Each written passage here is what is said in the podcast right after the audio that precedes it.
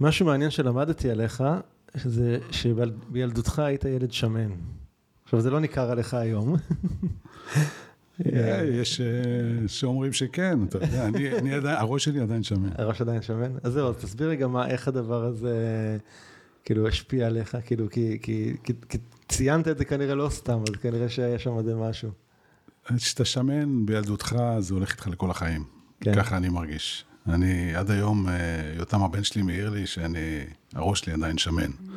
איך, איך, תן, תן לי דוגמה, מה זה אומר שבראש אני עדיין שמן? בראש אני עדיין שמן, אתה חושב שאתה אתה רואה משהו אחר במראה, שאתה מסתכל במראה אפילו, אתה יודע, אתה לא, אתה לא רואה את עצמך אמיתי, אתה רואה כל הזמן שמן. ואז לאן זה מוביל? כאילו... ואפילו, אתה יודע, כשאני רוכב על אופניים, אז אתה אומר לי, אתה רוכב כמו, בעליות כמו שמן, אתה חושב שאתה עדיין שמן, אז אתה רוכב יותר לאט. וזה, אתה יודע, לרוב האוכלוסייה יש הפרעות אכילה, אז כן. זה, אני מודה על עצמי שיש לי הפרעת אכילה כל חיי.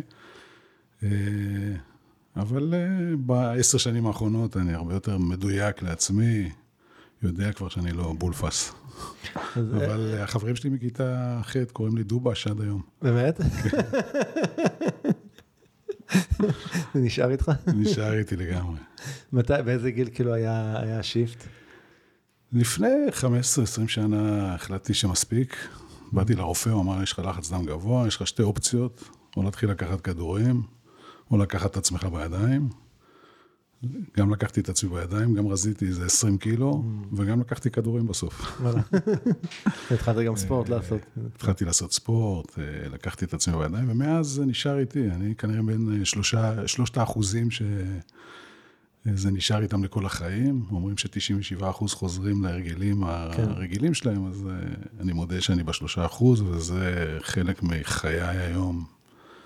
כל בוקר אני יוצא...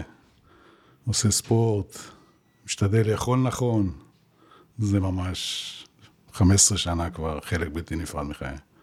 ואיך הדבר, הדבר הזה, כאילו, איך הוא השפיע, או, או אתה יודע, על מי שאתה היום, אתה חושב?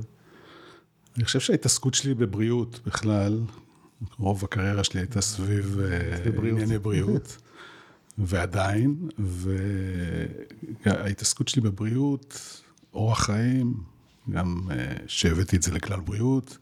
כל הסיפור של אורח חיים בריא, אני רואה אנשים שלא עושים ספורט, זה מטריד אותי, זה מפריע לי, זה...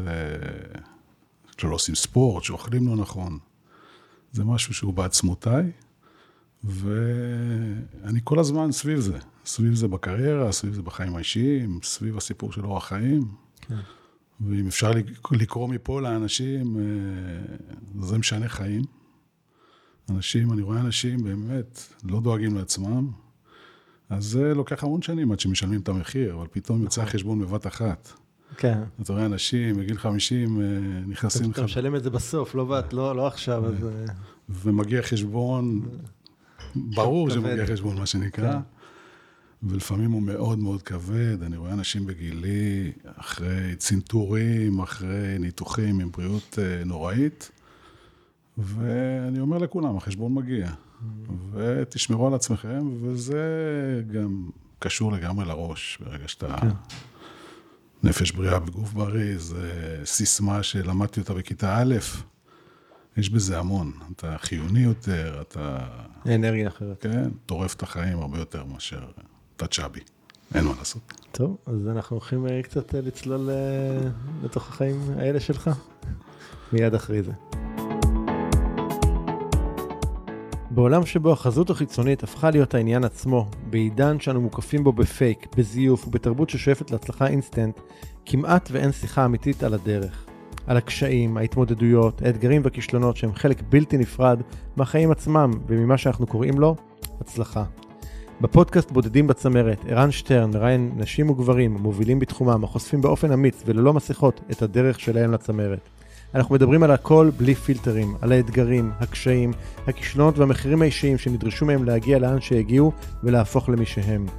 זו הזדמנות אדירה לשמוע באופן אינטימי, ללא אגו וללא פאסון, על המסע האמיתי של אותם אנשים, הבודדים בצמרת.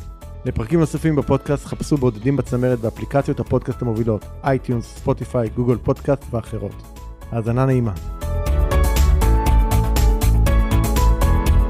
ברוך הבא ראובן קפלן. ברוך הנמצא, תודה רבה על ההזמנה. אז מאוד מאוד שמח על ההזדמנות הזאת, ומכירים הרבה, הרבה שנים, וכבר יצא לנו לעשות איזשהו פעם איזה וובינר לפני הרבה שנים, גם כן באיזושהי צומת, ממש אחרי זה צומת קריירה שלך, תכף נדבר עליה גם. אז אני אגיד רגע לטובת מי שלא מכיר, אז ראובן מנהל בכיר במשק הישראלי, ניהלת מספר לא מבוטל של חברות מאוד גדולות, פסגות, עמידר, כלל בריאות, אחרות. והיום בעצם יזם, הקמת חברה שנקראת אונבורד, שהיא בעצם נותנת שירותי דירקטוריון לחברות ועסקים, וגם אתה דירקטור בכמה חברות ציבוריות, נכון? לגמרי. ונשוי אבא ל? נשוי אבא לשלושה ילדים מדהימים, יותם, דפנה ומיקה. נשוי ללירון, כבר 33 שנה. וואו, הרבה זמן. גם כן יוצא דופן בימינו. לגמרי יוצא דופן. אז תודה, וזה פודקאסט חדש, ככה, ודיברנו עליו לפני כמה שבועיים, משהו כזה שנפגשנו, והצלחתי להדליק אותך לרעיון הזה, אני שמח שאתה כאן. אז שאלה שאני אוהב לפתוח איתה, תמיד לשאול את המרואיינים שלי, אז מי זה ראובן? וואו, מי זה ראובן? אז באמת, קודם כל, איש משפחה, אבא, בעל, בן זוג, ואיש מאושר. עשיתי הרבה בחיים שלי בקריירה, והתמזל מזלי שכמעט בכל תפקיד, אפשר להגיד בכל תפקיד שהייתי, הייתי בזון שלי, כמו שאומרים. הייתי עם תשוקה. וכשהרגשתי שהתשוקה נגמרה, המשכתי הלאה, זזתי קדימה, עברתי בין ענפים, עברתי בין חברות, אבל 30 שנה זה לא פשוט לשמור, כן, 30 שנה בזון. כן, לגמרי, על האנרגיה, על הלהט, על התשוקה. זה מדהים, ממש. אני אומר, התמזל מזלי באמת, כי יש כאלה שיש להם נפילות בחיים ונפילות בתפקידים. בכל תפקיד שהייתי, נהניתי. ממש. וכשלא נהנית? ושלא נהניתי? כן, ברור שאתה יודע, אני, אני לא חושב שיש תפקיד שהוא רק הנאה, יש לכל...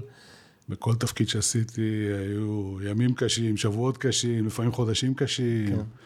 היו מהמורות, היו קשיים אדירים, אבל in general, אתה יודע, נהניתי מהתפקיד, נהניתי מהעשייה, הרגשתי שאני מזיז דברים, הרגשתי שאני מזיז הרים. זה חשוב לך. זה מאוד חשוב לי. כן, הסיפור של לעשות דברים משמעותיים, הוא גם קצת בגנטיקה שלי, אבל גם קצת חלק ממי שאני. תכף נדבר עליה. לעשות כסף, או רק כסף, זה לא אני. אוקיי. אתה חייב לעשות דברים שיהיו משמעות, ואם בא כסף לצידם זה נהדר, כן? כן. לא... צריך בסוף לקיים ולפרנס משפחה ולעשות טוב, אבל בכל איפה שראיתי, ראיתי קודם כל את ה... מאיפה אני מביא את התשוקה ואת החיוניות ואת המשמעות. וכסף הגיע. אז עשית באמת לא מעט דברים בחיים, אם אתה צריך ככה, נגיד, לציין את השלושה דברים הכי משמעותיים מבחינתך, שככה בחיים שלך, מה, מה הם היו? אז אני אתחיל באמת מהמשפחה. אתה יודע, אה, לצד קריירה, שלושה ילדים שבאמת עם אהבה אינסופית ביני לביניהם וביניהם לבין עצמם, זה לא טריוויאלי. אה, אבל אני לא טוען, אני לא מאלה שטוענים שזה או קריירה, או בית, או עבודה, כאילו, mm-hmm. תחליט מה אתה רוצה. אני חושב שאם אתה איש קריירה ואתה לא רואה הרבה את הילדים שלך, אז אתה צריך לראות איך אתה במינון, בזמן הקצר שיש לך, אתה עושה הכי טוב שאתה יכול. אה, וכשהתבגרתי גם, נשארתי מאוד מחובר, אז אה, ילדים ערכיים, כל אחד עושה את שאיפת חייו. אף אחד לא הלך אחריי אה, לעשות את מה שאני עושה. כן. אני רואה רופאים שהילדים שלהם רופאים, אני רואה מנהלים שהילדים שלהם מנהלים. אף ילד, הקטנה שלי עוד uh, במכינה קדם צבאית, אני לא יודע מה היא תעשה, אבל uh, שני הגדולים שלי הלכו לכיוונים אחרים, ואני שמח שגידלנו אותם, אני וזוגתי, להיות אנשים חופשיים, עם מחשבות עצמאיות, הם מאוד עצמאיים, מאוד שאפתנים. ומאוד ערכיים, אז זה... זה הראשון. זה הראשון. הדבר השני זה באמת עמידר. תשמע, עשיתי אוקיי. שם ארבע שנים אחרי החלטה ב-2015, שרובם, דיברנו על זה בעבר, אני נכון. ואתה. כן. החלטה לכאורה הזויה, לקחת תפקיד. אז, אז בוא רגע ניתן רגע את הקונטקסט אולי, כאילו, כי אז, עד לפני, לפני עמידר מה עשית?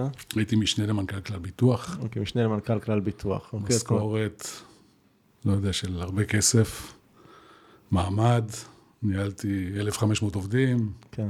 מה שאתה לא רוצה, רכב שמגיע- גדול, כל מה שמגיע עם עם כל, כל ה... מה ש... לשכה והכל. והרגשתי שאני לא מאבד את הזון, ואיכשהו גם עלה בליבי החלטה לעשות משהו ציבורי. לא עשיתי את זה עד אז, הייתי בשוק הפרטי כל חיי, וחיפשתי לעשות משהו ציבורי, והיה מכרז להיות מנכ"ל עמידר.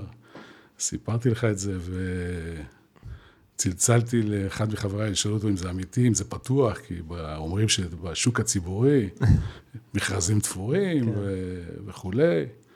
אמרו לי, פתוח, תיגש. לא אלאה בכל התהליך שעברתי בדרך, אבל בסופו של דבר נבחרתי להיות מנכ"ל עמידר, זכיתי להיות מנכ"ל עמידר. חברה חבוטה, שאנשים, אה, מה כן, עמידר זה נשמע, נשמע שם רע, זה לא איזשהו מותג אה, נורא מבטיח, לא? הכי ארדקור שיש, הכי ארדקור. מה זה, זה, זה, זה, זה אווירה הסתדרותית כזאת? אני אנסה רגע לתאר מה זה אומר, כאילו... עבירה, אתה יודע, מטפלים בעשרות אלפי משפחות דיור ציבורי, שזה עשירון אחד, במקרה הטוב, מה שנקרא עשירון אחד.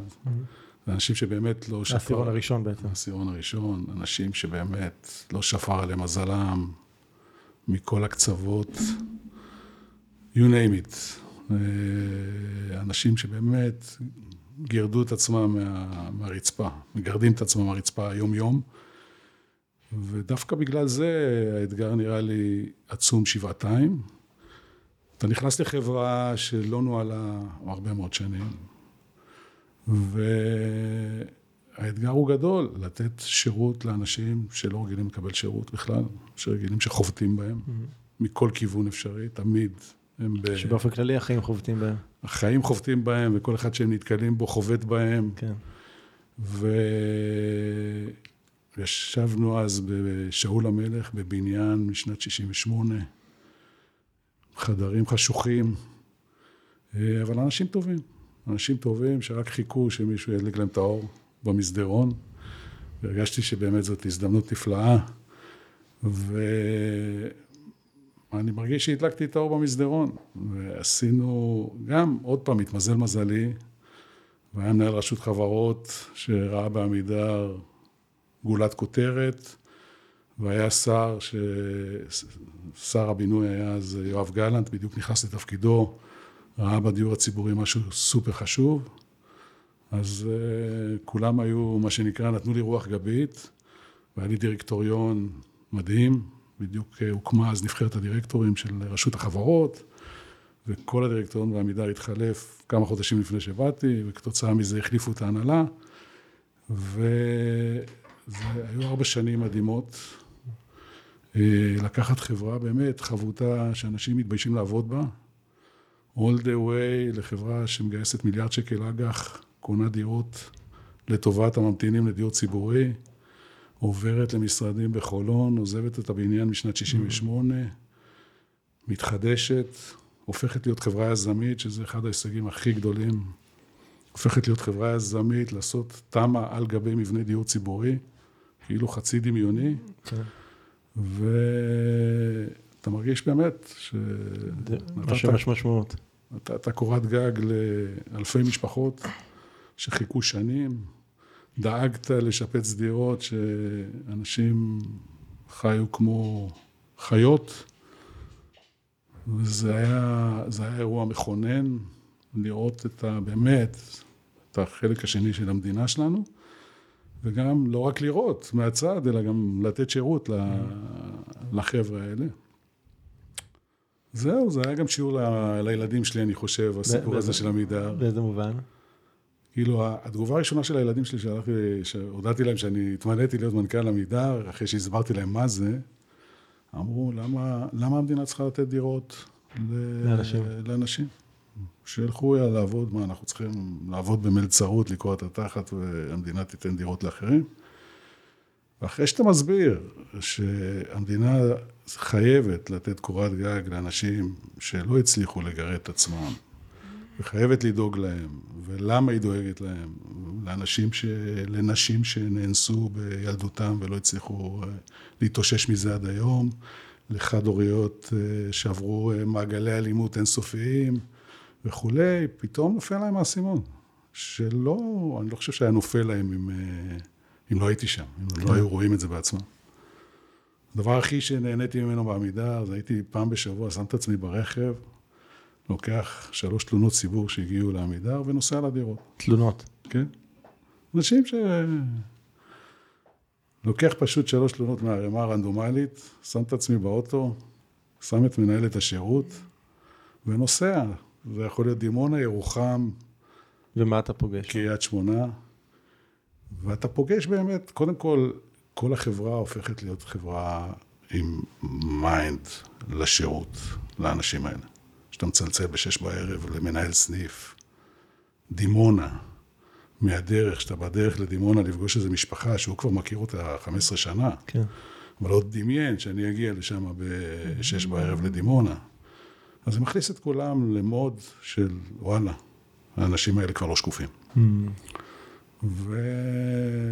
וגם האנשים עצמם, אתה יודע, אתה מגיע אליהם בשש בערב, מנכ"ל עמידר, בא לראות את הבעיה.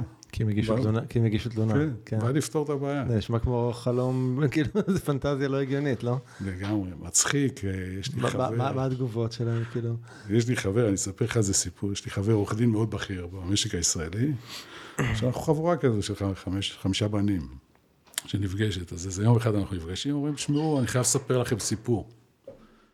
יש לי מתמחה במשרד, שמספרת לי סיפור כדלקמן, אתה לא יודע, אהרון, אה, ההורים של בעלי גרים בלוד, בדירת עמידר, נוראית, וכתבתי תלונה על אה, עמידר, ולפני יומיים, אתה לא, אתה לא קולט, מנכ"ל עמידר הגיע לדירה שלהם בלוד, יחד עם מנהל הסניף, וטיפל להם שם בכל הבעיות. ואני כאילו לא נרגעת מזה. היא מספרת לו, הוא, הוא היא לא יודעת, היא לא יודעת שהוא חבר שלי. כן. מספרת לו את הסיפור כאילו, כאילו איזשהו משהו מהשמיים נפתח עליה, ואני כולה עושה את עבודתי. זה היה סופר מצחיק, אבל אה, זה, זה, זה משמעות. זה באמת לעשות משמעות.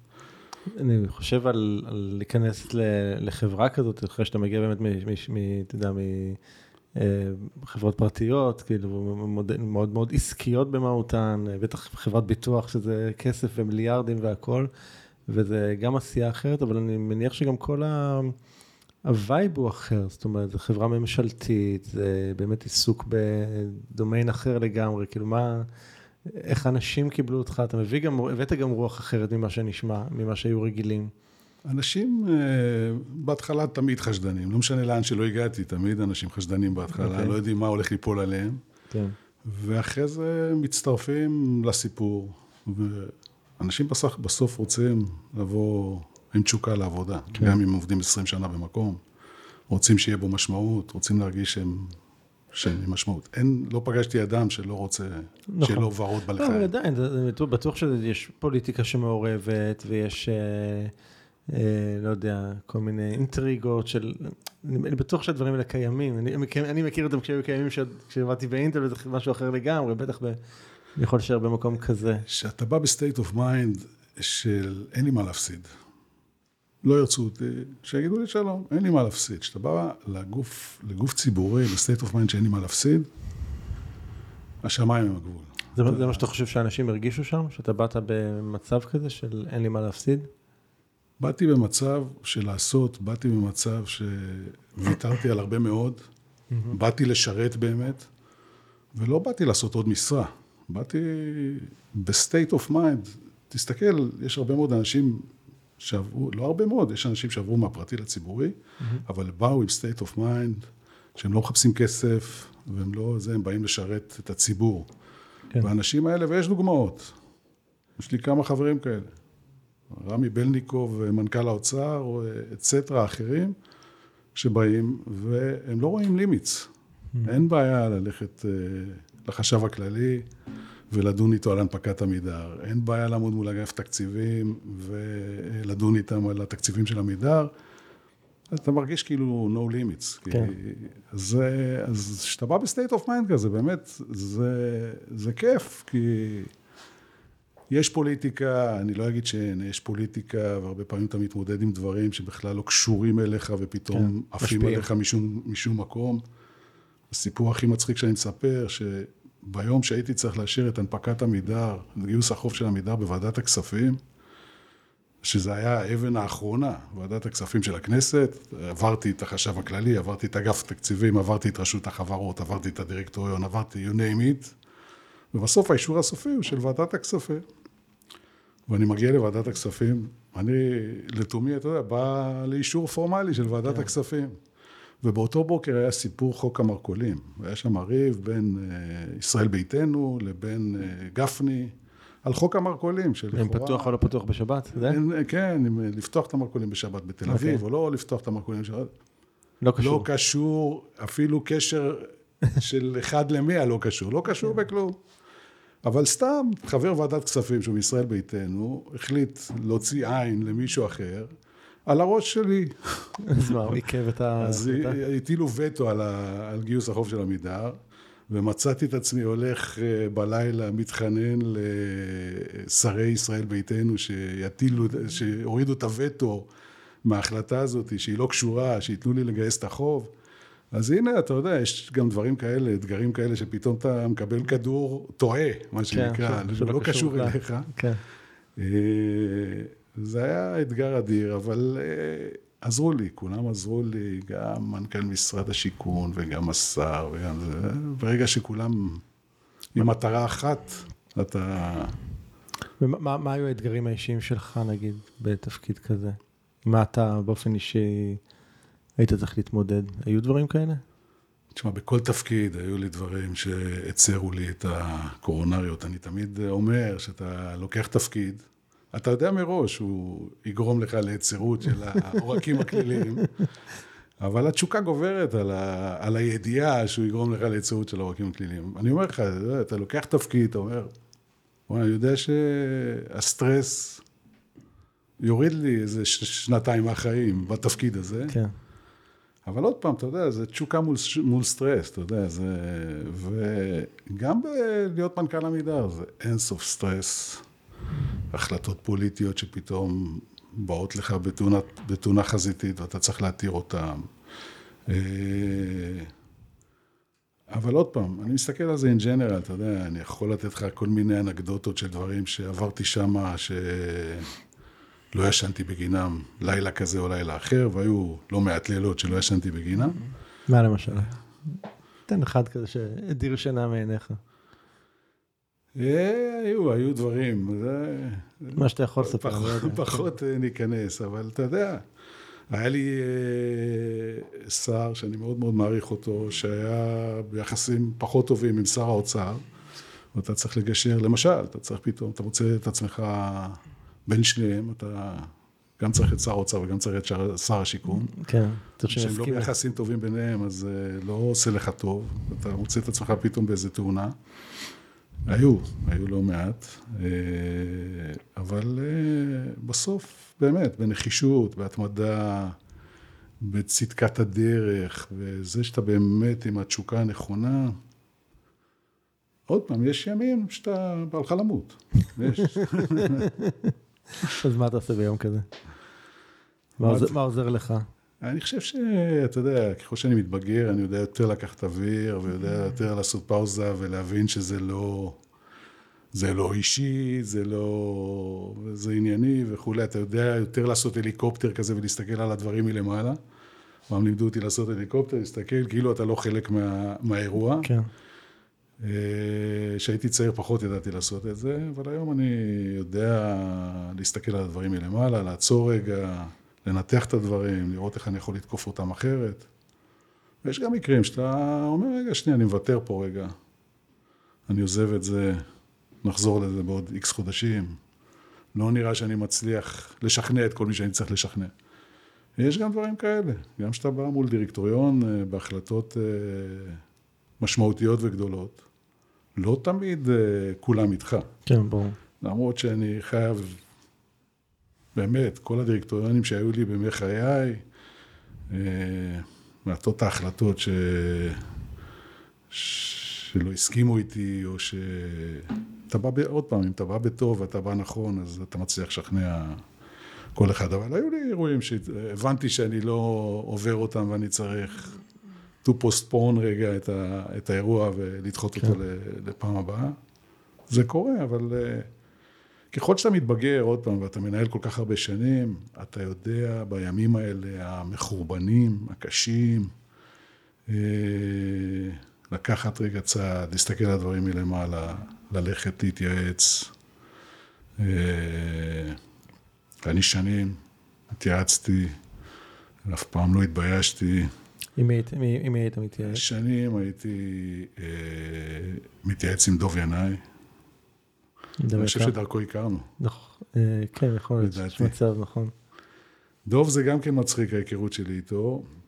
התחלתי איזה תפקיד, לא משנה איזה, והרגשתי שאני לא, לא מסתדר עם הבעל הבתים.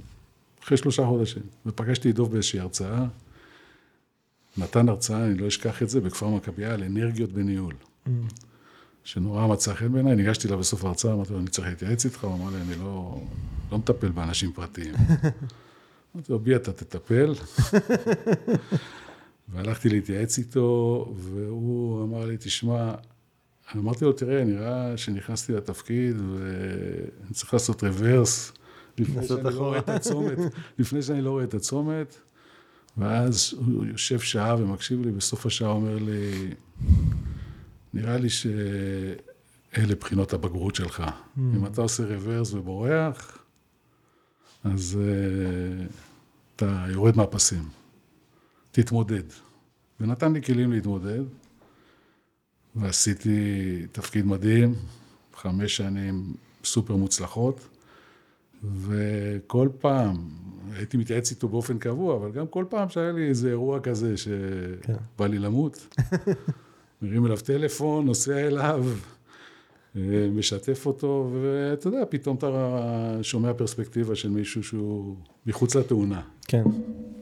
אני חושב שזה משהו שאני לגמרי יכול להבין, זה גם אני מלווה, מטופל שנים, ואני חושב שזה רק עשה לי טוב, אבל אה, אני יכול רגע לדמיין שמישהו במעמד בכיר, בפוזיציה בכירה, אה, זה יכול להיות די לא טריוויאלי לבוא למישהו אחר ולבקר, אחד גם, אתה יודע, יש פה המון עניינים של אגו ופאסון ונראות חיצונית וכל מיני כאלה, אבל אני יכול, אני יכול לראות בכמה ממדים למה זה קשה. אחד זה במקום הזה של, יש אנשים אולי שיחשבו שלבקש עזרה זה כאילו הופך אותם להיות uh, חלשים, זה, זה, זה מקום אחד, uh, או מקום פחד להיחשף מול מישהו חיצוני, או חוסר אמון מספיק, זאת אומרת, יש המון סיבות למה לא לעשות את זה. אני חושב שזה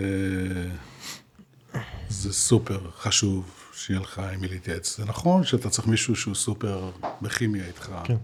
שאתה מסוגל לדבר איתו על כל דבר, כן, גם להביא, גם להביא את הפתיחות הזאת, זה, זה לא טריוויאלי. כן, זה צריך להיות מדויק, זה צריך להיות מישהו שאתה מתחבר אליו ברמה אישית. אבל זה סופר חשוב, כי באמת אתה לפעמים בדילמות שהליכה עם זוגתך לא מספיקה, כן. כי היא גם כן מעורבת רגשית. זאת אומרת, נכון. בכל מה שאתה מעורב רגשית, הרבה פעמים אני מדבר עם זוגתי על מה שעובר עליי ב, ב, בעבודה, אבל גם היא מעורבת רגשית, היא תופסת תמיד את הפוזיציה שלי. נכון.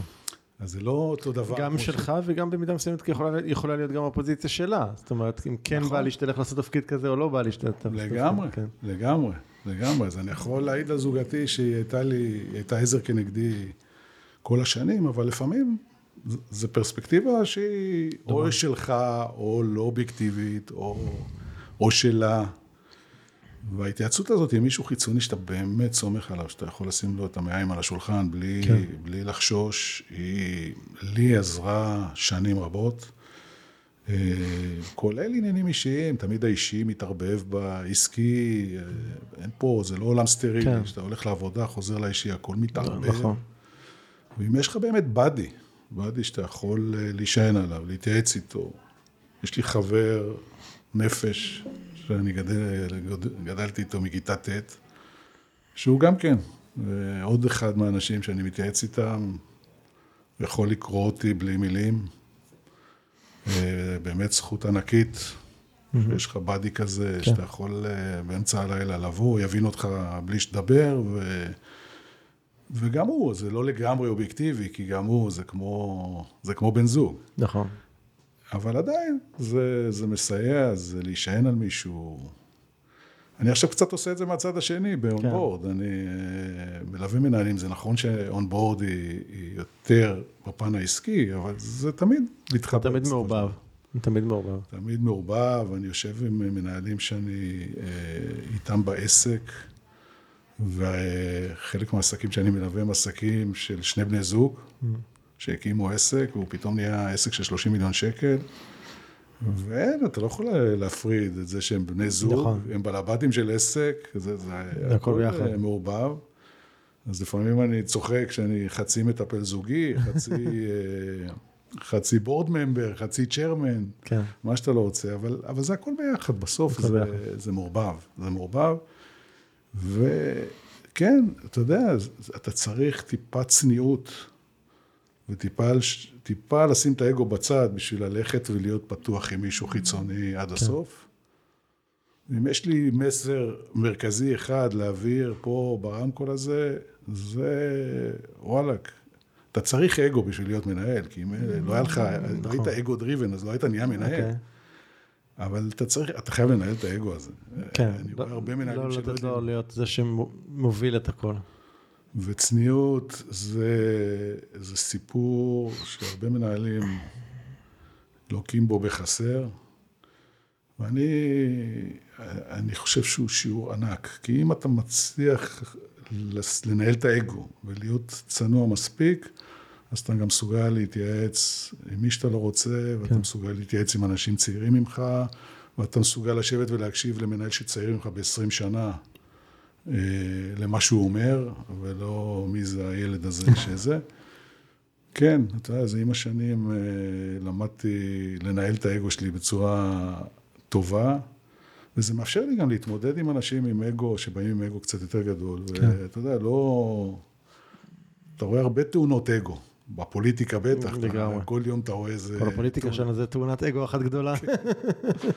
אז אני אומר, אז, אז, אז גם אם בא אליך מישהו עם אגו גדול, מה שנקרא מרצדס של אגו, אז אתה שנייה, רגע, אני עם הסמארט, אני ארד לסמארט רגע, ואני אני, אני, אני אנהל את זה נכון, ואני אעבור מימין, אני אעבור משמאל, אני אעבור לאופנוע, אבל אני אשיג את, אני אשיג את מה שאני צריך בסופו של דבר להשיג.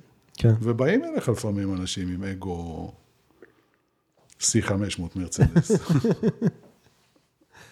תגיד, מה, כאילו, הגעת באמת להרבה מאוד תפקידים מאוד בכירים אה, במשק, וזה משהו שהיה לך ברור כשיצאת לדרך, שאתה תגיע למקומות האלה?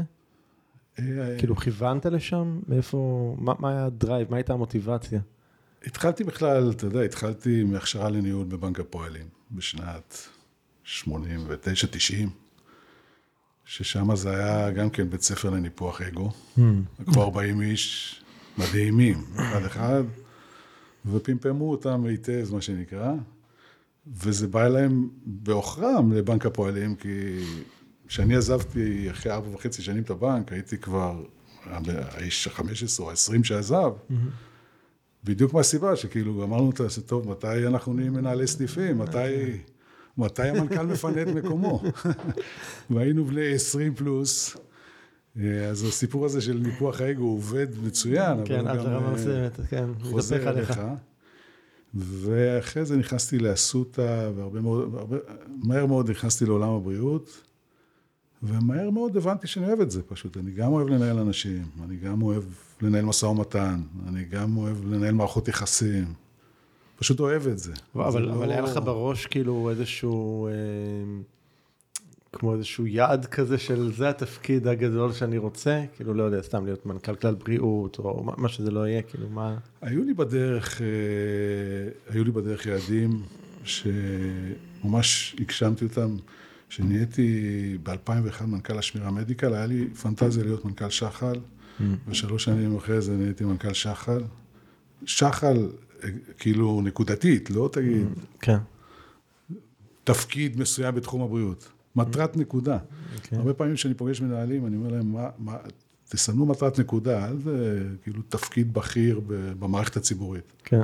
תסמנו איזה תפקיד, תפקיד... את התפקיד הספציפי. דמיינו תפקיד ספציפי, לא... כן. זה, זה דוב לימד אותי, שאם אתה יורה מפוזר, אז הרבה פעמים הכדורים לא נופלים על המטרה. אם אתה יורה כדור אחד, אבל על המטרה הנכונה, כן, אתה פוגע. אז אתה פוגע, וכן, בדרך היו לי כל הזמן, שמתי לעצמי יעדים והגשמתי חלק גדול מתוכם. אה, לא שנולדתי, אמרתי, אני אה, מנכ"ל כלל בריאות או מנכ"ל פסגות. אה, אבל אתה יודע, אתה גדל עם השנים, אתה רואה שאתה אוהב את זה, אתה אוהב להשפיע על הרבה מאוד אנשים, אתה אוהב להשפיע על מערכות, אתה אוהב לעשות דברים גדולים. ואתה גדל לתוך זה. גדלתי גם אה, לאבא שעשה הרבה מאוד תפקידים. זהו, זו הייתה השאלה הבאה שלי, אז כן. ככה הרמת להנחתה.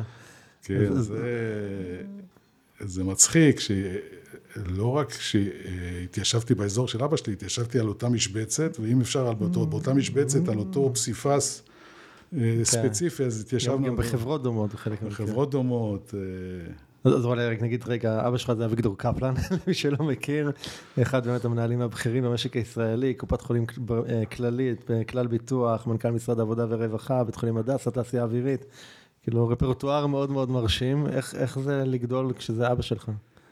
אה, לקח לי הרבה שנים, אתה יודע, לתפוס, ליהנות מזה, כי באמת התיישבנו על אותה משבצת, אז, אז זה מורכב, כי אתה, באמת יש לך ממי ללמוד, כן. והיה לי ממי ללמוד מכיתה ו' שהתיישבתי באוטו, שהייתי נוסע איתו לעבודה בימי שישי, הוא עבד בשישי, ולפעמים בשבת, לא עלינו, מה שנקרא, כן.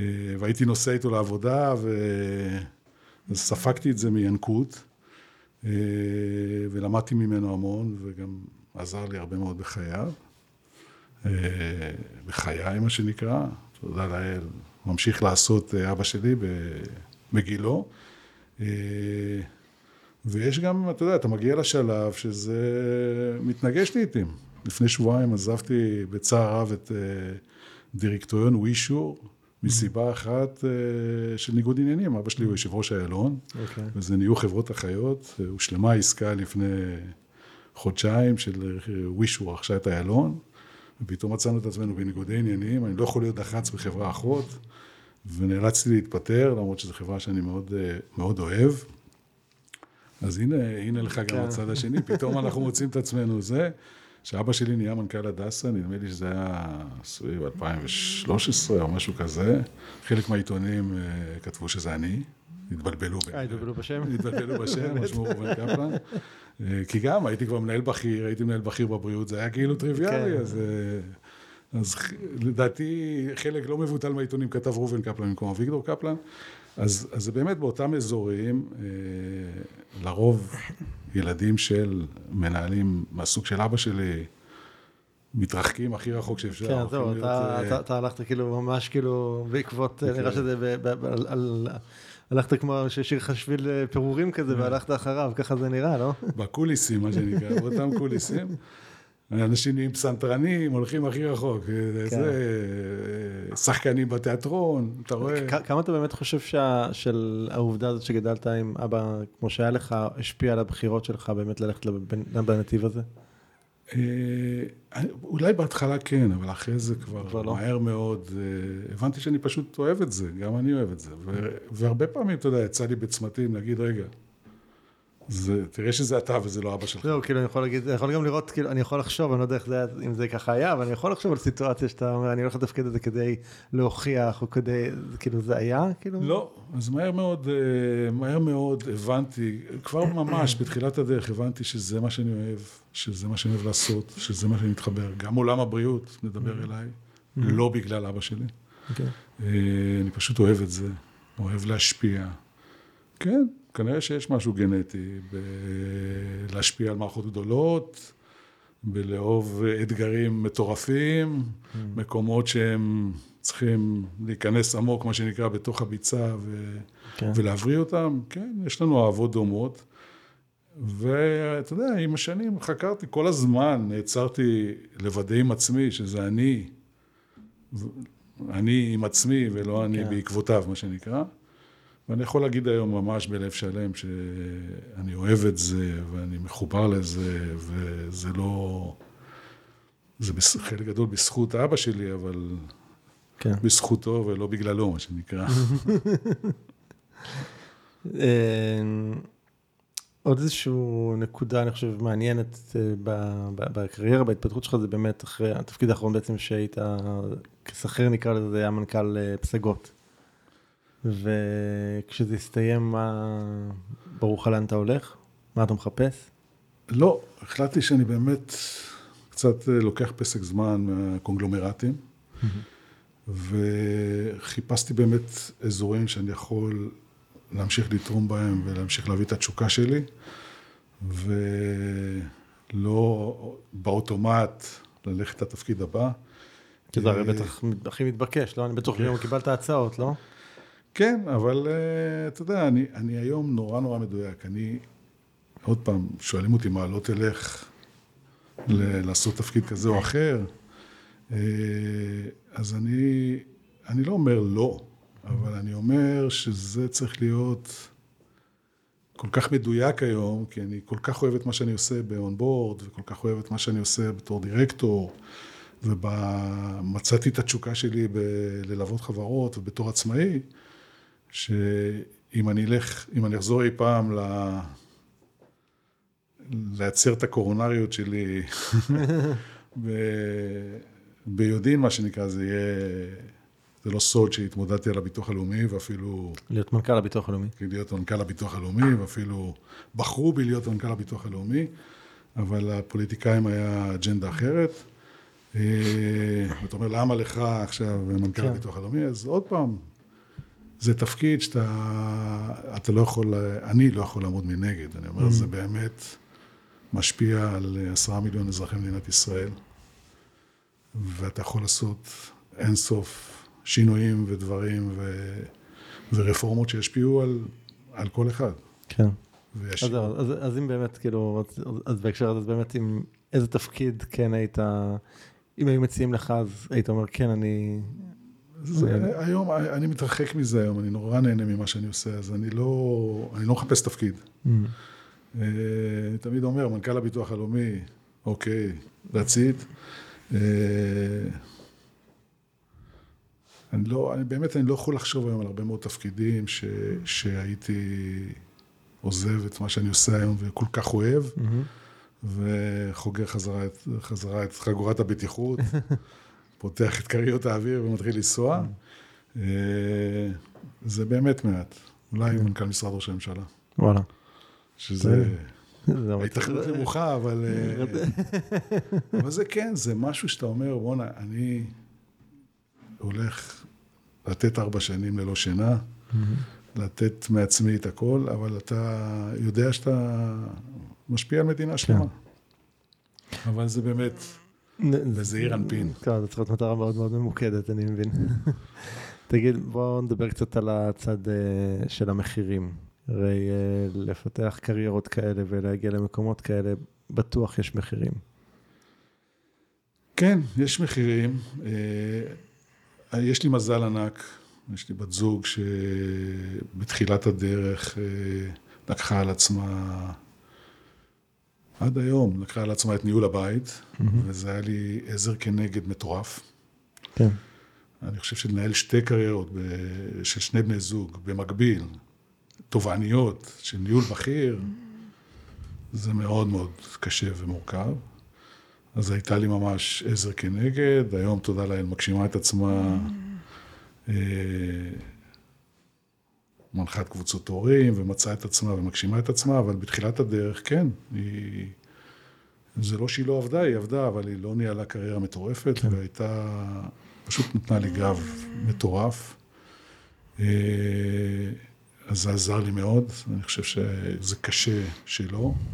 שתיים, אני כבר בתחילת הדרך, אני זוכר את עצמי בשנת 97, רואה מעט מאוד את הילדים, ולוקח החלטה שאו שאני נשפך לתוך ייסורי המצפון כל חיי, שאני... לרגשות אשמה. לרגשות אשמה, או שאני פשוט לא נשפך לתוך הייסורי המצפון, עושה זמן איכות במעט זמן שיש לי, ונהנה מהקריירה שלי. ו... אז, אז הסיפור של המחיר של הבית, אם אתה מנהל אותו, mm-hmm. עם uh, בת זוגך, או בן זוגך, או בן זוגך, או ווטאבר, אם אתה מנהל אותו נכון, ואתה לא שוקע לתוך ייסורי מצפון, אויש אויש, וכל שבוע אומר לעצמך, כן. כן ראיתי את הילדים ולא ראיתי את הילדים, ואז במעט שאתה רואה אותם, אתה, אתה, אתה גם עסוק בזה. ואתה עסוק בעבודה, אז, אז זה, זה, זה, זה, זה לא טוב. Mm. אז, אז אני ממש בשנים הראשונות לקחתי החלטה, זה מצחיק, גם בחופשות, אתה יודע, שאתה יוצא לחופש ואתה מנהל בכיר, mm. אז אתה עובד. כן. זה, זה החיים, החיים הם בנייד. כן. ואז מהר מאוד, וזו המשפחה שלי עזרה לי, היינו יוצאים לחופש, והייתי אומר למשפחה מראש, בין ארבע לשש בערב, אני לא איתכם. Mm-hmm. והייתי אומר למזכירה שלי, אני בין ארבע, תרכזי לי את הכל בין ארבע לשש. את כל המשברים, את כל השיחות טלפון, את כל הזה, תרכזי לי הכל בין ארבע לשש. ואז זה מאפשר לך באמת להיות פול בחופש, שאתה לא, ובין ארבע לשש אתה פול בזה, ובשש אתה מכבד את המנוע, והם יודעים שהם נפרדו ממך בין ארבע לשש. וזה עזר לי נורא בחופשים. אני חושב שזה מאוד חכם, כי גם מאפשר לך להתנהל באמת לא מתוך הרגשות אשמה כל הזמן. נכון. כי, זה... כי אחרת על כל אס.אם.אס שהיית שולח, זה היה בטח זה ש... לגמרי. אשמה מלווה לזה. לגמרי. אז כן. אתה, אתה יודע שבין 4 ל-6 יש לך שעתיים סופר אינטנסיביות, ושני משברים לנהל, ו... יכול להיות שהעובדה שגדלת, לאבא שגדלת ממנו וראית את זה מצד השני כילד, זה, זה עזר באיזושהי צורה אולי? אני מנחש, אני לא יודע.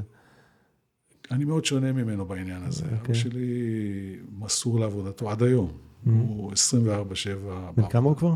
83. וואו. רק בריאות, מה שנקרא. רק בריאות. אה, כן, יכול להיות שזה עזר, כי... כדי פשוט לראות מהצד השני, אז אתה יודע מה הילדים חווים מן הסתם. אבא שלי שונא חופשים, זה עונש בשבילו. ואנחנו מאוד שונים בעניין הזה. יש לי תחביבים, ויש לי חברים, וטיפחתי חיים שלמים חוץ כן. מהקריירה שלי. אה, אבל כן, יכול להיות שזה קצת עזר, זה בטח... אה, אמרתי לעצמי לעיתים, אני לא רוצה להיות ככה, אני רוצה להיות טיפה שונה, אבל uh, למדתי את זה, on the job, מה שנקרא, למדתי לעשות את השילוב המושלם ולא לשקוע בייסורי מצפון. אני קורא מעל הבמה הזאת, מנהלים, בחרתם בקריירה טובענית, אל תשקיעו בייסורי מצפון, כי כן. זה, זה פשוט תנהלו את הסיפור הזה. Mm-hmm. נכון. אז זה, זה מחיר אחד, שאם אתה מנהל אותו נכון, הוא, הוא מחיר, אני חושב שהילדים שלי לא, אין להם חסך אבא, mm-hmm. אני מקווה. אני חושב בהקשר הזה, יכול לדבר גם קצת מהזווית שלי בהקשר, אני חושב שאחד הדברים שיכולים להקשות זה שיש לנו לפעמים כמו איזושהי תפיסה בראש של איך אבא או אבהות אמורים להיראות. נכון. כאילו, אתה יודע, אז אני, כן. כאילו, ואם אנחנו לא כזה, כאילו, אני יודע על עצמי, אני כאילו, היה לי, אני קורא לזה, כאילו, הדבר הזה של אה, לא לקחתי את הילדים לסחנה, כזה. כאילו, לא הייתי אבא של יאללה בשבת, כולם נוסעים לאוטו ונוסעים לסחנה, אני לא. אבל כאילו, כן הייתה לי בתמונה שאבא צריך להיות כזה, ולקח לי שנים. כאילו רגע להיפטר מהתמונה מצד אחד, להיפטר מהאשמה שהתלוותה לזה גם כן, ולהגיד אני יכול לתת רק את מי שאני, אני לא יכול להיות מי שאני לא, ולטוב, לרע, אתה יודע, זה הכל. אז uh, אני חושב שזה גם חלק מה, מהעניין הזה, אם אנחנו רגע מבינים שאנחנו יכולים לתת את מי שאנחנו ולא שום דבר אחר. כן, וגם התחושה הזאת שהילדים שלי יודעים שלא, מה שלא יקרה, אני שם בשבילם, איתם. ואם חלילה קורה משהו בשלוש לפנות בוקר, אז אני הטלפון הראשון, לא משנה, לחלץ כן. אותם מאיזה פאנצ'ר בזה, ובאהבה, ובלי ייסורי מצפון וזה. זה המון זה, שהם כן. יודעים שאתה שם, אתה לא בהכרח צריך להיות שם, שהם יודעים שאתה שם, שאתם יודעים שאתה נמצא שם בשבילם, זה, זה הדבר. זה, זה הדבר, זה, זה המון. זה... אז זה מחיר אחד, והמחיר השני, כן, זה, יש לך ימים של סטרס, ואתה צריך לדעת לנהל סטרס. זה נכון שככל שאתה מתבגר, אתה... צובר יותר כלים לדעת להסתכל על זה מלמעלה כן. ולנהל את זה וכולי, אבל אה, זה תובעני, זה תובעני, זה מחירים כבדים. אה, כן, לחץ דם גבוה, קורונריות, זה, זה, זה לא בא בלי זה. כן. אבל זה כמו, שאתה יודע, הרבה דברים טובים באים לצד... לצד אה, משהו נוסף, כן. משהו נוסף, אז. אני מאוד אוהב את זה, ותמיד הייתי באזורי התשוקה שלי. להיות באזורי התשוקה, לא יכול לבוא רק זה. כן. זה חייב לבוא עם לילות אה, ללא שינה. כן. יש איזשהו כישלון ככה צורב ברמה האישית שלך יותר, כי אתה לא מדבר על כישלון עסקי, יותר משהו ברמה האישית, משהו שאתה זוכר או שחווית אותו. סיבוב אחד שעשיתי אה, אחרי עמידר, אה, הלכתי, החלטתי ללכת לטק קצת, אה, לדיגיטל הלס, שזה היה קרוב, אמרתי נעשה, נעשה משהו באזור הזה, ועזבתי אותו אחרי פחות משנה, ואני לא מצטער גם עליו, אני כמעט לא מצטער על אף תפקיד שעשיתי, אבל... באופן כללי אתה מצטער על דברים של העבר? אני לא מצטער כמעט על כלום. אוקיי. זה, כל פעם ששואלים אותי, זה מדהים, אני לא, לא מצטער, כאילו, לא מצטער על שום תפקיד שנכנסתי אליו, אה, לא מצטער על החלטות שלקחתי, גם אם נכשלו. לא יודע, זה... אני מסתכל על החיים in general, וואו, נהניתי. בממוצע נהניתי פלוס פלוס פלוס, אוקיי. מכל דבר. אבל עוד פעם, אני לא, אני לא מצטער. זה, זה דבר אחד שיכולתי, אני חושב, או להימנע ממנו. אה, כישלונות ברמה העסקית, אתה יודע, אתה לא יכול לנהל 30 שנה בלי בדרך אה, אה, להיכשל, כי אחרת אתה לא, כנראה שלא עשית לא עשית מספיק. מספיק. אה, ומה, נגיד שאם יש איזשהו כישלון כזה גדול, מה, אתה יכול רגע לשחזר מה, מה התחושות, איך אתה מתמודד עם זה, איך ממשיכים הלאה מהמקום הזה? עוד פעם, זה גם זה עניין של בגרות. כשהייתי יותר צעיר, כישלונות היו הורגים אותי. כן, מה זה אומר? כאילו, איך היית מקבל, איך היית... וואלה, הפסדים, הפסד של מכרז. הייתי אוכל את המעיים. Mm. וככל שאתה מתבגר, אתה אומר, אוקיי, זה חלק מהחיים, בוא נראה איך לוקחים את המכרז הבא, ואתה כן. יותר אה, יותר יודע בסנטר שלך. אבל בתחילת דרכי, הייתי מפסיד מכרז לאיזה מתחרה, זה אירוע למות. ואני אומר עוד פעם, זה, זה, יש, יש משהו בקטע שאתה אומר, אתה אני לא הבנתי אותו כשהייתי צעיר. באתי. כשעזבתי את הבנק, באתי למנהל האזור שלי ואמרתי לו, טוב, איך זה שאני עוד לא מנהל הסניף? אומר לי, אתה, אתה עוד לא נולדת. יש לי תאריך הלידה שלך, עוד לא נולדת. ואמרתי לו, מה זה לא נולדתי? אני כבר פה ארבע שנים, אני צריך שתפנה את אה, מנהלת הסניף שלי, היא כבר הייתה צריכה להתפנות מזמן. כן. תנוע. והוא אמר לי, אז אולי היו יותר מדי מקדשים את הוותק, אבל, אבל עם השנים, אני מסתכל ברטרוספקטיבה, אני אומר, כן, יש, הסודיות המשופשפות, יש להן ערך, לא יעזור. כן. אתה לומד לנשום, אתה לומד להתמודד, אתה לומד לא להתרגש מכל דבר, לא כל הפסד מכרז הורג אותך. אה, אז יש, אני לומד להעריך את הסודיות המשופשפות שלי שהשארתי בדרך. אני, אה, אבל אה, כן, יש, יש, בוא, אם לא היית, עוד פעם, אם לא היית עם שאיפה לזכות בכל מכרז, אז אין לך מה לעשות בתפקידים האלה. כן, לא בשביל זה הביאו אותו. בדיוק. יש איזו אמירה כזאת כללית על אנשים מצליחים, זה, זה, זה שהרבה אוהבים להגיד עליהם שההצלחה עלתה להם לראש. מכיר את זה בטח. אה, זה משהו ששמעת שאמרו עליך? זה משהו שהרגשת אותו באיזושהי צורה? לא הרגשתי אותו, אבל אני חושב שזאת אמירה נכונה. אני חושב שאחד הדברים שמנהלים צריכים כל הזמן ללמוד, אני, כשעזבתי את uh, עמידר, הלכתי לאותו סטארט-אפ. והיו שם 15 עובדים, והייתי אחד מבין 15 עובדים, וישבתי ב open space, ושטפתי את הכלים, ו... אחרי, אתה יודע, שאתה מנכ"ל של חברה ממשלתית, אז יש לך ראש מטה ויש לך מזכירה, ואם אתה רוצה גם יש לך נהג ויש לך את כל המנעמים האלה. כן. ופתאום אתה עוזב ואתה נוהג את עצמך, ו... מכין לעצמך את הקפה. מכין לעצמך את הקפה וגם שוטף את הכוס. וזה הכניס אותי חזרה בשנייה. למוד של צניעות שכל כך אהבתי אותו. ואני, אתה רואה הרבה מאוד מנהלים שיש סביבם אנשים, אתה יודע, בכלל, כשאתה מנהל, רוב האנשים מסביבך עסוקים בלהגיד לך כמה אתה חכם, mm. כמה אתה גאון, כמה אתה עושה את הדברים הנכונים. אה, לא הרבה אנשים אוספים סביבם אנשים שאומרים, אה, שאומרים לך, בואנה... זייפת פה. לאן אתה הולך? מה אתה עושה? כן. אז אני חייב להגיד שכל השנים היו לי אנשים לצידי, שחלקם חברים שלי עד היום, שלא התביישו להגיד לי, שנייה, והשאירו אותי צנוע, ווואלכ, הייתי ממליץ לכל מנהל, שנייה רגע לעצור, לחזור למוד של צניעות, להבין שלימד אותי פעם מישהו שהיה מקבל, אה, אה, כל ראש שנה היה מקבל איזה 70 מתנות מכל mm. מיני ספקים ולקוחות כן. וזה. אז הוא אומר לי, הייתי בא לאשתי, הוא אומר לי, זה לא אני קיבלתי. זה הבן אדם שכתוב בכרטיס ביקור קיבל, זה לא אני קיבלתי. כן, זה הטייטל של כרטיס ביקור. לזכור את זה. זה הוא קיבל את זה בכרטיס ביקור. כן. וזה כל כך נכון. אז, אז, אז כאילו, אתה צריך באמת להיות עם תעצומות נפש מאוד גדולים, להבין שכל אלה שאומרים לך שאתה גאון, לקחת את זה בפרופורציה. כן. ויש הרבה דוגמאות למנהלים שבאמת בסוף חשבו שהם, אה, שהם, יש להם מתת אל. כן.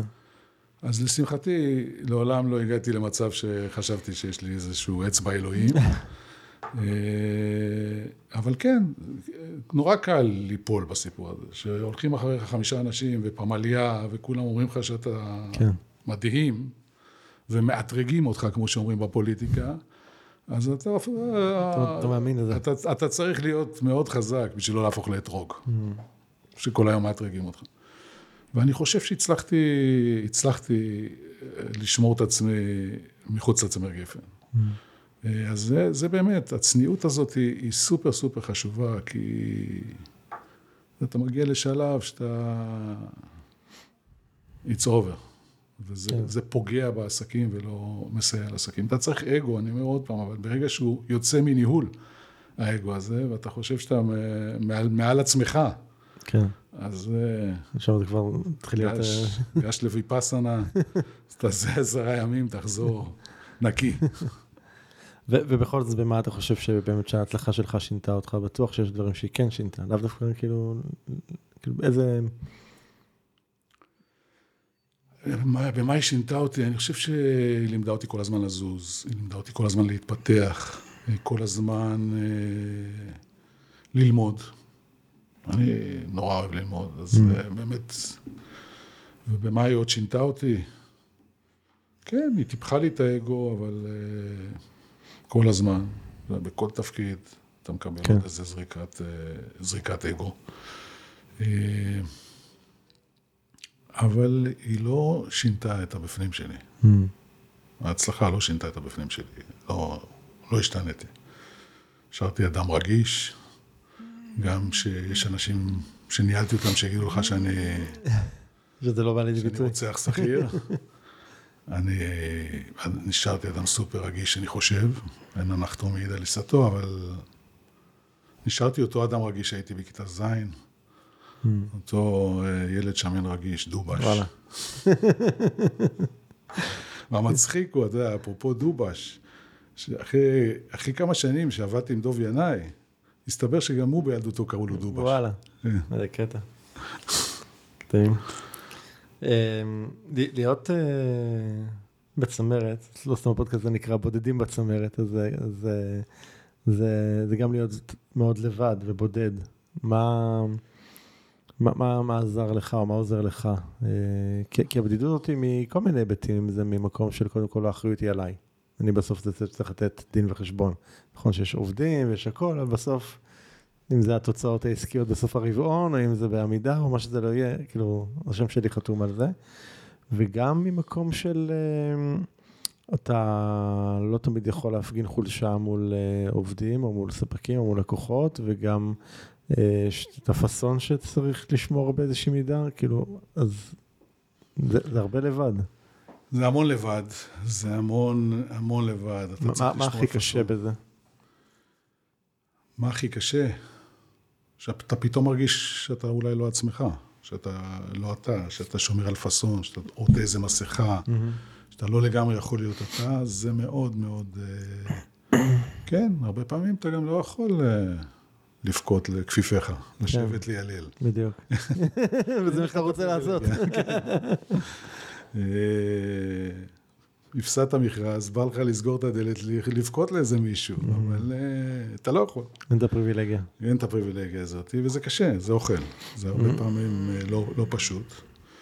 אבל אני מצאתי מזור, מצאתי מזור בחברי הטוב, מצאתי מזור בזוגתי, מצאתי עזרה אצל דוב ואצל אחרים. וגם עם הכפיפים שלי תמיד היו לי יחסים ש... תמיד שמרתי על פאסון וזה, אבל היו לי יחסים שיכולתי לדבר איתם mm. מעמקי הנפש, ולא רק... אה, כן. אבל כן, שיש דוח רווח והפסד, זה לא מספיק טוב, וערב ישיבת mm. דירקטוריון, זה... זה, זה קשה, זה מאוד כן. קשה. מה, מה עושים? מה עושים, כן, מה עושים במקומות האלה? מה עושים? עושים, אתה יודע מה, זה עושים חשבון נפש. כל רבעון עושים חשבון נפש. מה עשינו נכון, מה לא עשינו נכון, ואיפה אפשר לשפר. זה סוג של חשבון נפש חודשי, הדוח רווח והפסד. כן. וכן, מעבר למספרים. אף אחד לא חולק איתך דוח רווח והפסד גרוע. המון חולקים איתך דוח רווח והפסד מצוין. ו... ולמדתי להבין את זה. אני גם אוהב לחלוק עם המון את הדוח רווח והפסד המצוין, אין לי כן. בעיה לחלק קרדיטים, הבנתי שזה המוצר הכי זול שיש על המדף לחלק, אבל אה, וואלה, כשאתה עושה תוצאות לא טובות, או שאתה מפסיד עסקים, זה אתה מול המראה, כן? Mm-hmm. אתה בסוף מול המראה, מה עשיתי טוב, מה עשיתי פחות טוב, כן. אה, איפה אני יכול להשתפר. אני אוהב את החשבון נפש הזה. אתה יודע, אנחנו עושים לעצמנו חשבון נפש אה, אישי, מפעם כן. לפעם. אתה מקפיד לעשות את זה, מה שנקרא, יום-יום כמעט, אתה עושה לעצמך כן. חשבון נפש. אז אה, כן, אז מנהלים עושים חשבון נפש כל חודש, מסתכלים על הדוח. והוא סוג של חשבון נפש, יש בזה כן. משהו מצמיח. זה שומר אותך ערני, לא? חבל הזמן. כן. אני, היו לי דירקטוריונים בחיים, אהבתי נורא לעבוד עם דירקטוריונים מאוד מאוד חזקים. כמנכ"ל מתחת, וזה לא טריוויאלי. כן, לא. פעמים מנכ"לים אומרים ש... ההפך, אתה מעדיף אולי את הקלות יותר. כן. אני, היו לי דירקטורים שעשו לי את המוות, והם אלה שהצמיחו אותי. הייתי בא לדירקטוריון עם דוחות כספיים של 400 עמוד, שקראתי אותם 17 פעם, והייתי יודע לתת כל תשובה, כי ידעתי שיתקילו אותי בסעיף 33ב, סעיף קטן אה, א', אה, מה קרה שם עם העתודות של הביטוח הסיעודי, של הקולקטיב הזה והזה. וזה שומר אותך אלרטד, כן. אני מאחל לכל מנכ"ל שיהיו לו דירקטורים שישמרו אותו כל כן. הזמן חד, ערני, ומה הצעד הבא. אתה יודע, אני יכול, להתחבר לזה, אני מסתכל בקריירה שלי באינטל, והיו שם לא מעט מנהלים, כי גם אינטל מאוד האמינה אז בניהול מטריציוני, אז היו לי תקופות שיש לי שלושה מנהלים, לא פחות, כן, תפקיד אחד, שזה אחד הפלופים הגדולים של הניהול, אבל אה, אה, אתה דיברת קודם שהיית תקוע בין שני שרים, אז אני הייתי תקוע בין אינטריגות בין שלושה מנהלים שלא הסתדרו ביניהם, ואני הייתי צריך להיות הבובה הזאת באמצע. אבל אני יודע שכאילו שהיו לי מנהלים קשוחים יותר ודורשנים יותר ותובעניים יותר, שם הכי התפתחתי. זה לא היה כיף, זה לא היה כיף, זה לא היה נעים, זה לא היה, אה, זה לא היה מהנה בהכרח, אבל שם הכי התפתחתי. כשהייתי קצין צעיר, היה לי מפקד אה, סוללה, הייתי בנ"מ, היה לי מפקד סוללה שקראו לו, מה שנקרא, לא נעים להגיד, קראו לו הנאצי, ו... שם התפתחתי הכי הרבה. פשוט mm-hmm. קרע לי את התחת. כן. ו... והבנתי, כאילו, כל הזמן חיפשתי את התשובות לקריאת תחת, וכל אימת שיש לך את התשובות לקריאת תחת, אתה מתפתח, וזה... אני חושב שאני גם מנהל כזה, כי בסופו של דבר אני דורש המון מהכפיפים שלי, ובהתחלה חלק לא נושמים, אבל מהר מאוד מבינים שזה, מהר מאוד נהנים מזה, כן. ומתפתחים מזה. Mm-hmm. אחד הדברים שהייתי הכי גאה בהם, כשעזבתי את תפקיד מנכ"ל שחל, היו לי חמישה סמנכ"לים, באתי לבעל הבית שלי, אמרתי לו, כל אחד מחמשת הסמנכ"לים יכול להחליף אותי. Mm-hmm. יש לך בעיה קשה מאוד לבחור אחד מהחמישה. זה, זה אדיר. כן. שיש לך חמישה אנשים שהם יותר טובים ממך. נכון, כן. זה, וזה גם כן, אתה יודע, הרבה פעמים אנשים לא מצמיחים אנשים. לגמרי. אני תמיד הצמחתי אנשים יותר טובים ממני מתחתיי. אני, אני לגמרי יכול להגיד שההצלחה שלי באינטל זה, זה רק בגלל שהיו שם אנשים הרבה יותר טובים ממני. אני הייתי בעיקר צריך לא להפריע להם. ו, וזה, זה הסיפור. כן. אם אתה מצליח להביא מתחתיך אנשים יותר טובים ממך, כן. עשית את זה. כן. אמ, תגיד, גם היום, אם יש לך איזשהו, לא יודע, איזושהי מטרה, איזשהו יעד, זה עדיין מרגש כמו שזה היה אז, מבחינתך? כן, כן. אני, אני מקפיד שזה יהיה מרגש. אוקיי. אני כאילו, צריך לקום בבוקר ולטרוף את החיים. אתה יודע מה, לפעמים זה מרגש יותר, כי אתה, אתה יודע להעריך את. Mm, את המשמעות. לתת לזה מקום, להתרגשות. כן. אתה יודע להעריך את זה, אתה יודע להעריך את המשמעות. אה, מה הדבר האחרון שהכי ריגש אותך? וואלה, אני עכשיו באונבורד מלווה חברות שעושות כל מיני קפיצות דרך, וכל קפיצת דרך כזאת, זה יכול להיות בחברה של 20 מיליון שקל. ניהלתי מיליארדים. 200 מיליארד. כן. זאת אומרת, חברה של 20 מיליון שקל, אבל שעושים קפיצת מדרגה מנקודה A לנקודה B, בחברה של 18 עובדים. מבחינתם זה לכבוש את העולם. כן. כשאתה חלק מזה, זה מרגש אותי לא פחות מהמיליארדים. ואני מרגיש את זה היום יום-יום, שאני עושה את זה באונבורד, ממש, שמנהלים, אתה רואה את הברק שלהם בעיניים, גם שזה עסקים לא ענקיים, על עצה שנתת, על uh, נקודת מבט, על, uh, על דרישה משמעותית שהבאת לשולחן. ואני אחד שלא חוסך, לא חוסך מילים, לא משנה, אני, אני אומר ללקוחות שלי, זמן התראה לפטר אותי הוא עשר שניות, הודעת וואטסאפ, ברגע שאתם מרגישים שאתם לא מקבלים ערך, שילחו לי וואטסאפ, תחסכו לעצמכם את הטלפון, האירוע יסתיים. תודה לאל, זה לא קרה עד היום. וואלה, כבר אתה מרגיש שאתה נותן, אתה, אתה נותן ערך, ואתה... נותן את, ה, את כל הניסיון שלך, את ה-30 שנות ניסיון כן. ל, לאנשים שוואו, זה בשבילם אדיר. יש סיטואציות, נגיד גם היום, שבהם אתה ניצב מול איזשהו אתגר כזה או אחר ועדיין מרגיש סוג של חוסר ביטחון, או, או חוסר הערכה עצמית אפילו, כאילו אירועים, כאילו... תשמע, זה כל הזמן, אתה יודע, הטיפה שם נמצאת. כן, הסדק. כן, תמיד. חשבתי שזה רק אצלי. לא סתם שאלתי את השאלה, אני רוצה רגע לנרמל את זה.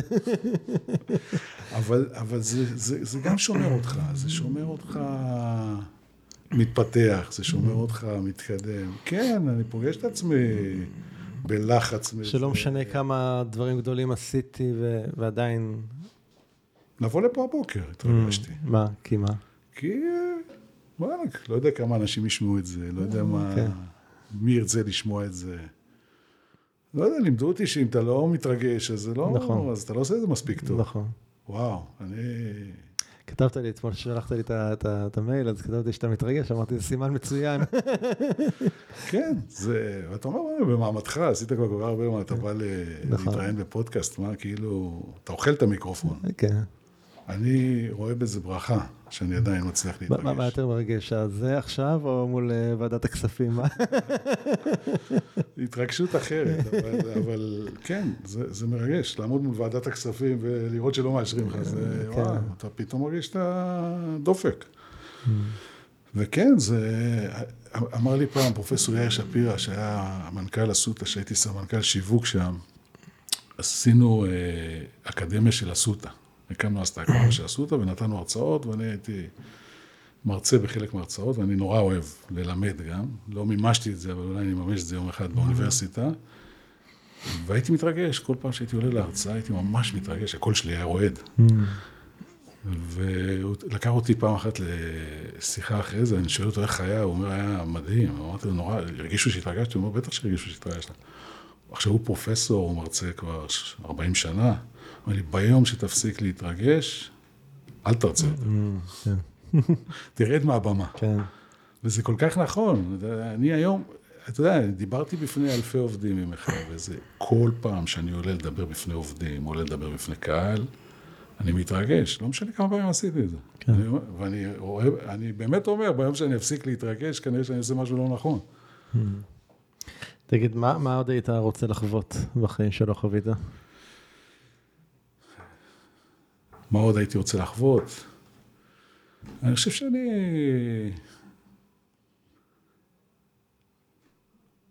מה עוד הייתי רוצה לחוות? הייתי רוצה להמשיך להתרגש כל בוקר ממה שאני עושה באונבורד, אה, לעשות דברים גדולים, גם בפילנטרופיה. אני מלווה היום שתי עמותות, אני מתרגש מהסיפור הזה. נשמע הזוי, מופרך, מתרגש, מתרגש לראות את זה מתפתח, מתרגש לראות את זה קורה.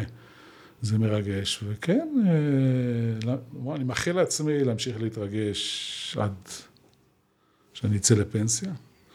אה, דבר אחד שאולי פספסתי בקריירה שלי שלא עשיתי תואר שני או שלישי בחו"ל, עשיתי תואר שני בארץ, אבל לא עשיתי בחו"ל, ולא נחשפתי, עשיתי דברים בינלאומיים, אבל לא, לא באמת עשיתי איזה הרווארד, אולי אני אעשה יום אחד. וואלה, עדיין? כן. כאילו- למה לא? לא, לא יודע, אני- כאילו, אני- מעניין כאילו אם אתה עדיין מרגיש את הרצון, את הצורך, כאילו מאיזה מקום זה בא? גם אני, כשאני... מתוך החוויה? לא, מתוך, כאילו, אני מנסה להבין, זה מתוך החוויה של סתם, נגיד, ללמוד בהרווארד, או מתוך זה של להגיד שיש לי תואר של הרווארד? כאילו, אני מנסה להבין מאיזה... לא, לא, רק מתוך החוויה. אוקיי. אני לא, לא מעניין אותי התור של הרב, יש כן. לי מספיק. זהו, בדיוק, זה לא מנסה צריך להבין. כאילו. תארים, לא צריך ברזומה כבר כלום. לא, כאילו הרזומה שלי מסודר. לא זה הרווארד בשביל זה לא הרזומה. צריך עוד נייר על הקיר. ממש לא, לא מרגיש זקוק לזה, אבל כן, וואלה, לעשות עכשיו איזה חצי שנה עם אנשים מכל העולם. וואי, אני רואה את עצמי מתרגש ב- בירידה מהמטוס. מדמיין. את עצמי. כן.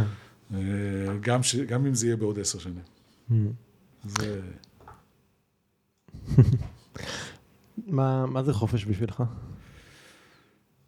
מה זה חופש בשבילי? לעשות דברים שאני אוהב, גם שלא קשורים לקריירה.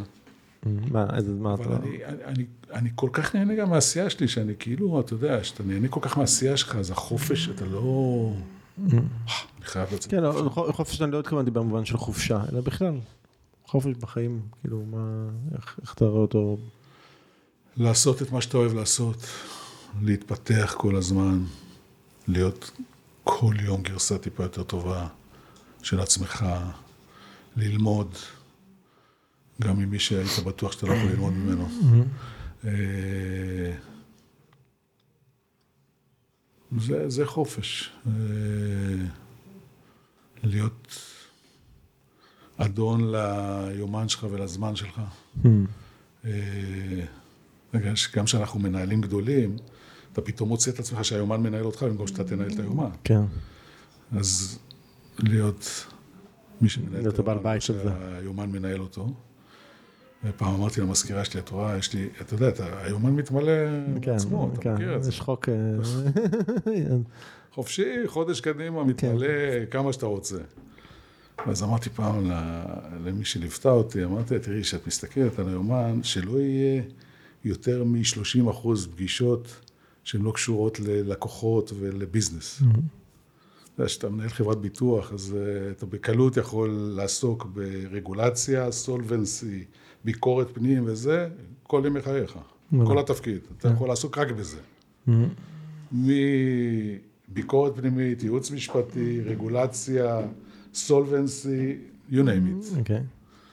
ואז אתה יכול למצוא את עצמך שזה מה שאתה עושה, והביזנס לא כן. מחכה לך. כן.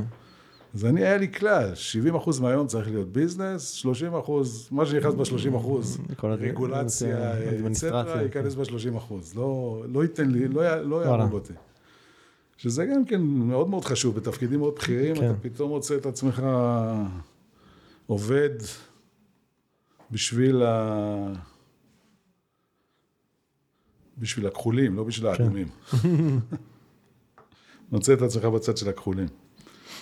תגיד, מה, מה לגבי אה, ביקורת? איך, אה, סתם, כשאתה מגיע למקומות כאלה, אם אתה רוצה או לא רוצה, ביקורת יש. איך אתה, איך אתה תופס אותה, איך אתה מתמודד איתה? אז זה גם כן, זה, זה נורא קשור לשפשוף של הסוגיות. אתה לומד עם השנים אה, אה, להסתכל על הביקורת ככלי ניהולי.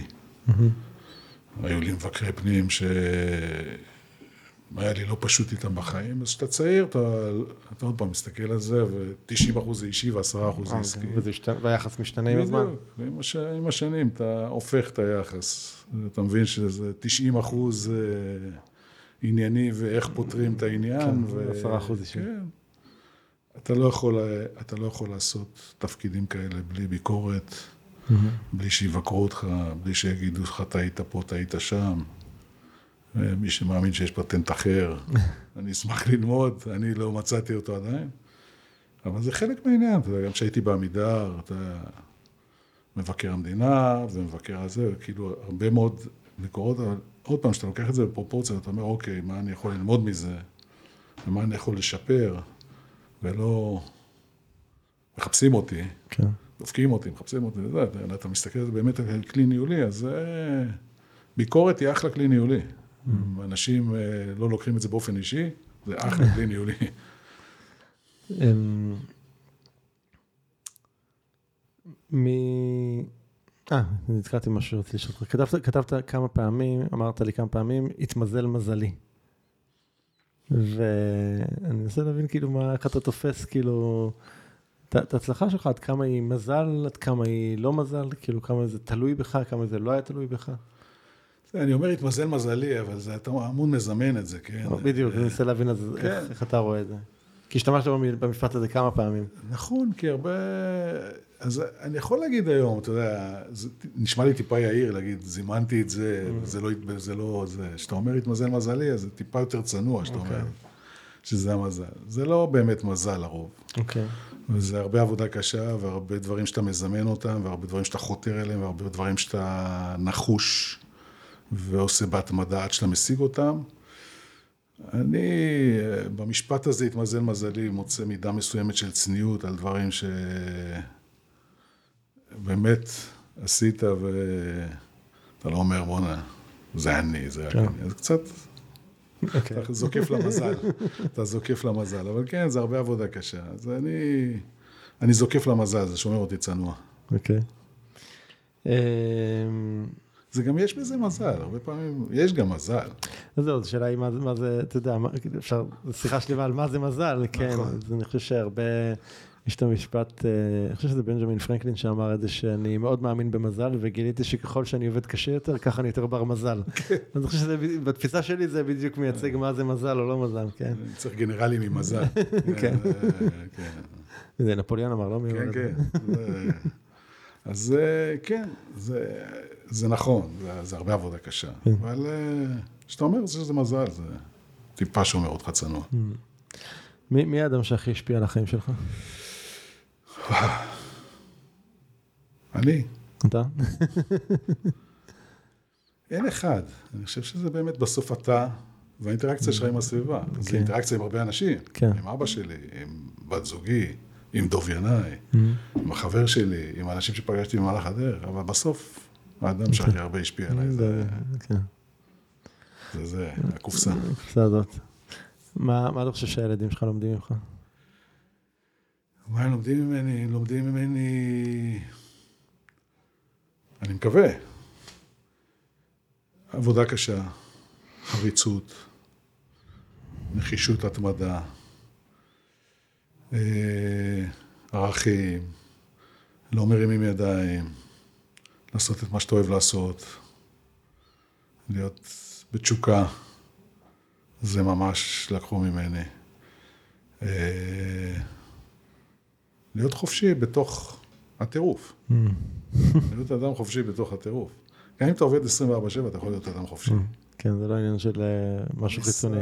תהיה מנכ"ל פסגות 24-7 וזה, אתה יכול להיות אדם חופשי ואתה יכול להיות אסיר. כן. תבחרו להיות אנשים חופשיים, עדיף. אמ, יש משהו שעוד הייתי צריך לשאול אותך ולא שאלתי? לא. יש משהו שהיית רוצה לשאול אותי? אם נהנית. מאוד. קודם כל, אני תמיד נהנה מהשיחות שלנו, ואני חושב שגם כאן, אני חושב שהצלחתי קצת להוציא דברים ש... אני מקווה שהצלחתי להוציא קצת דברים אה, ככה, שאולי פחות אה, מדוברים או משמעים, שזה גם חלק מהמטרה של, ה... של הפודקאסט הזה, זה באמת רגע להציב את הדברים שהם אה, לא רק מאוד ברורים שם בחוץ וכולם רואים. לא רק הדבש. כן, בדיוק. זה לא רק דבש. טוב, אז אורן, המון תודה, כיף שבאת לכאן, ומעריך את הפתיחות והכנות. היה לי כיף גדול. ומי שככה צפה בנו, אני מקווה שנהניתם והפקתם ערך, ואם הפקתם ערך ונהניתם, אז שני דברים. אחד, שתפו את הפרק הזה כדי שגם עוד אנשים יוכלו ליהנות ולהפיק ממנו ערך. ושתיים, אה, אל תהיו קמצנים, כנסו לאפליקציה שאתם מאזינים כרגע, תחפשו איפה מדרגים ותנו לנו אה, דירוג על הפרק הזה, ואני מאוד מקווה שהרווחנו לפחות חמישה כוכבים מכם. אז תודה רבה. תודה רבה. להתראות. ביי.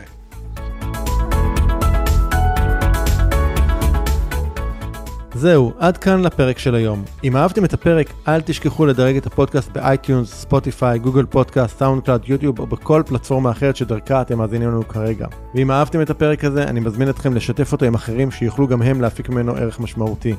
אתם מוזמנים לכתוב לי תגובות, מה אהבתם, את מי תרצו לשמוע בפרקים הבאים, או כל הערה והערה אחרת שיש לכם. מוזמנים לשלוח אליי ישירות למייל feedback את ערנסטרן.co.il או בפייסבוק שלי facebook.com/ערן.stern. וכמה מילים אחרונות. לאורך השנים עבדתי עם ופגשתי הרבה מנכ"לים ואנשי עסקים בכירים וראיתי שאצל רבים מהם יש סוג של דיסוננס בין ההצלחה שלהם בקריירה ובעסק ובין החיים האישיים. ולמרות שבעסקים הם פרצו הרבה מאוד תקרות זכוכית, בחיים האישיים הם מרגישים שנתקלים בתקרת זכוכית. אם זה ביחסים, באינטימיות, מול הילדים, בתחושת מיצוי, חוסר סיפוק וכדומה. ובעיקר תקרת הזכוכית שלהם היא מול עצמם. התמודדות עם פחדים, עם רגשות מורכבים, תשוקות לא ממומשות או חוסר בהירות לגבי הדבר הבא שלהם. אז אם אתם מרגישים בודדים שם בצמרת ורוצים מישהו לחלוק, לשתף, לקרפל פרספקטיבה או להתייעץ איתו, אני מזמין אתכם לכתוב אליי באופן אישי למייל feedback זה מגיע אליי ישירות, feedback